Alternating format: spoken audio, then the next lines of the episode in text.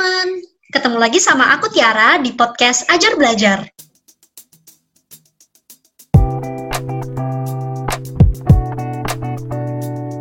Guys, siapa yang pernah nonton sinetron-sinetron atau film-film yang ada adegan penculikannya?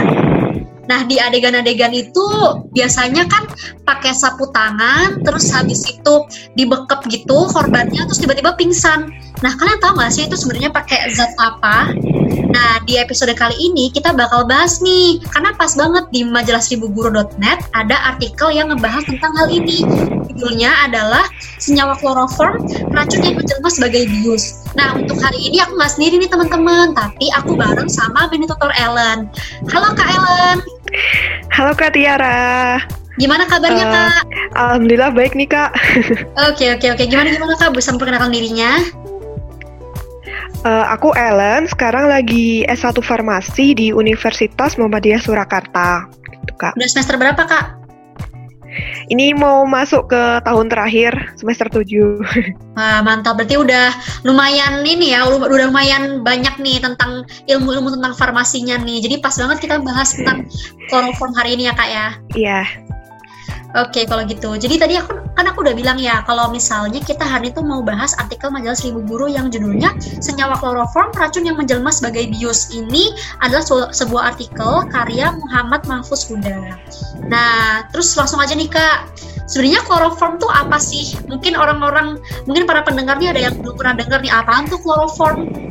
Uh, jadi kloroform itu tuh uh, merupakan senyawa kimia kalau misalnya kita tahu itu bahasa ilmiahnya itu triklorometana yang merupakan golongan haloalkana dan senyawa itu yang tadi itu disempat disampaikan oleh Kak Tiara dia itu terkenal banget sebagai bahan pembius gitu Kak. Hmm. Oke, jadi memang dia ini tujuannya untuk sebagai bahan untuk bius ya Kak ya? Iya. Uh. Nah, tapi yang aku agak menarik nih dari judul artikel majalah Seribu Guru ini kan senyawa kloroform racun yang menjelma sebagai bius. Nah, kata-kata racunnya nih kayak agak serem gitu kan. Sebenarnya Uh, kenapa sih kok bisa dibilang sebagai racun? Memang dia sebenarnya ada mungkin cerita-cerita yang pernah terjadi tentang penggunaan kloroform yang menggunakan sebagai racun gitu kak? Iya kak, ada. Jadi tahun 1915 itu ya kak, ada seorang perawat di panti jompo yang bernama Frederick Morse yang dia itu lahir di Vienna, Austria. Dia itu diduga sebagai pelaku pembunuhan 8 orang tua di panti jompo, tepatnya dia bekerja. Nah, sebenarnya tuh latar belakangnya dia melakukan ini tuh uh, dia kan punya ilmu tentang istilahnya dia punya ilmu sedikit uh, ilmu kedokteran dan farmasi gitu ya kak. Hmm. itu alasannya dia tuh sebenarnya banget jadi dokter kak. Tapi gara-gara dia itu termasuk kalangan bawah akhirnya dia itu kan eh, nggak uh, bisa melanjutkan untuk studinya menjadi seorang dokter. Akhirnya dia keluar masuk rumah sakit dan mempelajari obat-obatan secara ilegal Nah, dengan ilmu kedokteran yang dia miliki secara ilegal itu, ia akhirnya pergi ke Amerika untuk mendaftarkan diri dan diterima sebagai perawat di sebuah panti jompo. Namun, uh, dalam waktu empat bulan ini, dia itu malah uh, membunuh 17 pasien yang meninggal di panti jompo tersebut. Akhirnya ini kan membuat kecurigaan tuh kak. Hmm. Akhirnya uh, Frederick Morse ini dia itu diinvestigasi oleh polisi. Nah, saat dilakukan tanya jawab oleh hakim, dia tuh santun banget dan santai menjawab pertanyaan-pertanyaan yang diajukan oleh hakim. Awalnya dia tuh menyebutkan bahwa dia tuh menggunakan arsenik untuk membunuh pasiennya. Namun ternyata dengan cara ini tuh menyebabkan pasiennya itu merasa tersiksa, kesakitan, memunculkan gejala yang mengerikan lah dan dapat bertahan lama hingga beberapa hari setelah ajalnya itu menjemput. Dan Nur sendiri itu menyatakan bahwa uh, pembiusan atau dengan cara arsenik itu tuh menyiksa korbannya dan juga dirinya sendiri sebagai pembunuhan. Nah, uh, saat dia bekerja di rumah sakit di Austria sendiri, dia itu dapat ilmu baru, ilmu farmasi bahwa ada senyawa yang dia itu baunya itu manis dan mudah menguap. Nah, itu tuh uh, senyawa kloroform. Nah, kloroform ini dia itu mampu me, apa mematikan si korbannya tanpa korbannya itu menderita. Jadi gitu kak ceritanya. Oh. Jadi si Frederick Morse ini dia tuh sebenarnya perawat tapi dia pengen untuk jadi dokter ya istilahnya dia kayak dendam gitu ya berarti kak kayak nggak keterima takdir gitu Hmm, terus tapi walau jadi dia ini ngebunuh em, orang-orang ada di Pantu Jompo awalnya pakai arsenik tapi berarti dia masih ada sisi ininya ya kak masih ada sisi kasihannya sama korban-korbannya ya karena lewat pakai arsenik itu menyiksa jadinya dia ganti jadi chloroform ini karena dia mematikan dengan cara yang apa ya bilangnya mungkin tenang gitu loh ya. Oke, serem juga ya. Oke, oke, oke. Terus kalau untuk ini nih tadi kan kita bahas nih kalau chloroform ini dia penggunaan utamanya itu sebagai obat bius. Nah, gimana sih sejarahnya dari awal dulu nih penggunaan chloroform sebagai obat bius tuh kayak gimana sih sejarahnya? Jadi waktu itu tuh ada eh, dokter sama kelompoknya itu kan dia melakukan riset tentang obat bius apa sih yang baik untuk eh, di meja operasi. Nah itu tuh dilakukan oleh dokter James Young Simpson yang merupakan dokter di Edinburgh. Itu tuh melakukan penelitian tuh kak. Nah dalam proses penelitiannya itu ternyata terjadi kecelakaan di mana se- di mana tumpahnya kloroform ini menyebabkan seruangan itu kloroform itu menjadi menguap dan dalam jangka dua menit aja mereka itu langsung kehilangan kesadaran namun eh, setelah 30 menit kemudian mereka sadar dan mereka itu paham bahwa mereka telah menemukan solusi bahan kimia pengganti enter, ether untuk bius yaitu dengan kloroform. Namun tahun 1932 ini 1932 ini dia terdapat pembuktian bahwa kematian akibat penggunaan kloroform itu lebih tinggi dibandingkan dengan pembiusan menggunakan ether. Nah, akhirnya dengan tingginya kematian akibat kloroform ini menyebabkan popularitas kloroform sebagai obat bius itu menurun dan hilang setelah ditemukannya gas nitrogen oksida dan heksobarbital sebagai bius gitu, Kak. Hmm, berarti ini semua golongan obat-obat yang dia tuh obat bius yang pakai cara dihirup ya kak ya. Karena kan setahu aku ada yang pakai lewat pembuluh darah kan ya. Nah, berarti di sebenarnya awalnya tuh yang memang udah ada itu ether, terus dia nih popularitasnya digantikan oleh chloroform, tapi karena banyak menyebabkan kasus apa ya ke- keracunan ya tadi kayak kematian, kematian, Ah, terus jadinya Eh, dia di kematian. Mm, berarti dia digantikan lagi oleh obat-obatan yang lain. Nah, tapi sebenarnya kan dulu kan berarti kan chloroform ini sempat menjadi populer ya. Sebenarnya kelebihannya apa sih chloroform ini sebagai obat bius? Jadi eh, kloroform itu kan dia punya bau yang manis ya kak kayak sakarin itu. Nah. Dia juga sebagai senyawa yang mudah menguap.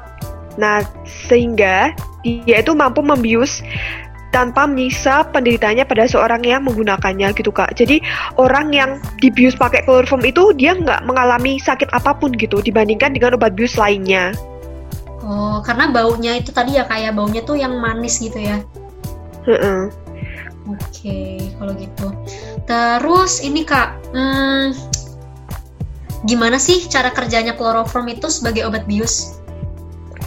Jadi sebenarnya untuk mekanisme secara umum ya kak, eh, cara kerja kloroform sebagai obat bius itu belum diketahui secara pasti. Tapi berdasarkan penelitian tahun 2008, kloroform itu menghambat kanal ion yang dia itu berfungsi sebagai penyalur rasa nyeri dan mengatur denyut jantung. Hmm, berarti dia kayak ngeblok ngeblok rasa nyeri kita sama denyut jantungnya tadi itu gitu ya kak ya? Gampangnya gitu ya kak ya? Hmm, hmm, oke oke oke. Terus kan eh, chloroform ini dia nih berarti awalnya kan bukan sebagai obat bius ya. Nah dan sampai sekarang juga kan eh, dia kan juga bukan cuma berfungsi sebagai obat bius ya. Nah ada nggak sih kak chloroform ini dipakai di tempat lain selain di dunia medis mungkin penggunaannya dalam industri atau apa gitu ada nggak kak untuk zat chloroform ini Kalau kloroform sendiri ini kan dia sifatnya sebagai bahan pelarut organik ya kak. Nah ini tuh banyak banget digunakan di industri-industri seperti pada industri pestisida.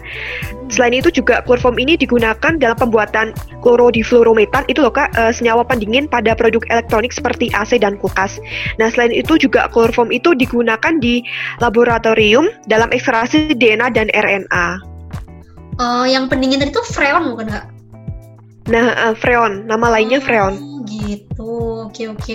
Jadi ini ya cukup random ya apa cakupannya dari chloroform ini di dunia industri. Dari tadi dari pestisida, terus habis itu freon, terus bisa untuk penelitian juga ya untuk ekstraksi DNA dan RNA.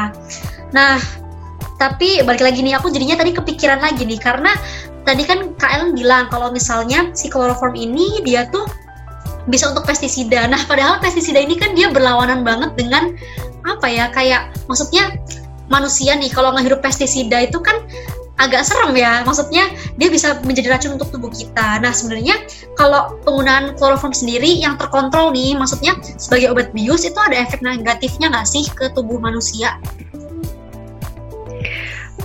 Dari yang aku baca ya kak, dari literatur yang aku baca itu, kloroform itu yang pertama dia itu bisa memicu terjadinya kanker, kemudian keracunan, kemudian juga ada serangan jantung dan uh, parahnya dia itu bisa menyebabkan kematian gitu kak.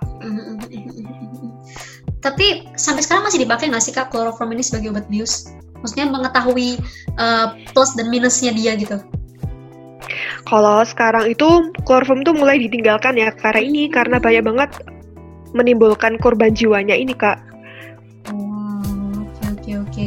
Berarti tadi kita udah bahas banyak banget nih tentang kloroform mulai dari A sampai Z mulai dari sejarahnya dari sejarah gelapnya lah ya istilahnya yang dia dia merupakan suatu bahan yang digunakan untuk pembunuhan terus mulai ke popularitasnya sebagai obat bio sampai sekarang dia digunakan dalam industri dan mulai ditinggalkan di dunia medis. Oke deh kalau gitu kak ini uh, makasih banget nih kak ini topiknya cukup menarik ya tentang kloroform ini jadi aku mau bilang makasih banget ke kak Ellen karena sudah mau ngobrol-ngobrol sama aku bahas tentang kloroform yang mungkin buat teman-teman lainnya masih asing sih ini walaupun kita sering lihat di sinetron-sinetron ya sering dipakai buat penculikan gitu ya kayak. Ya. Iya.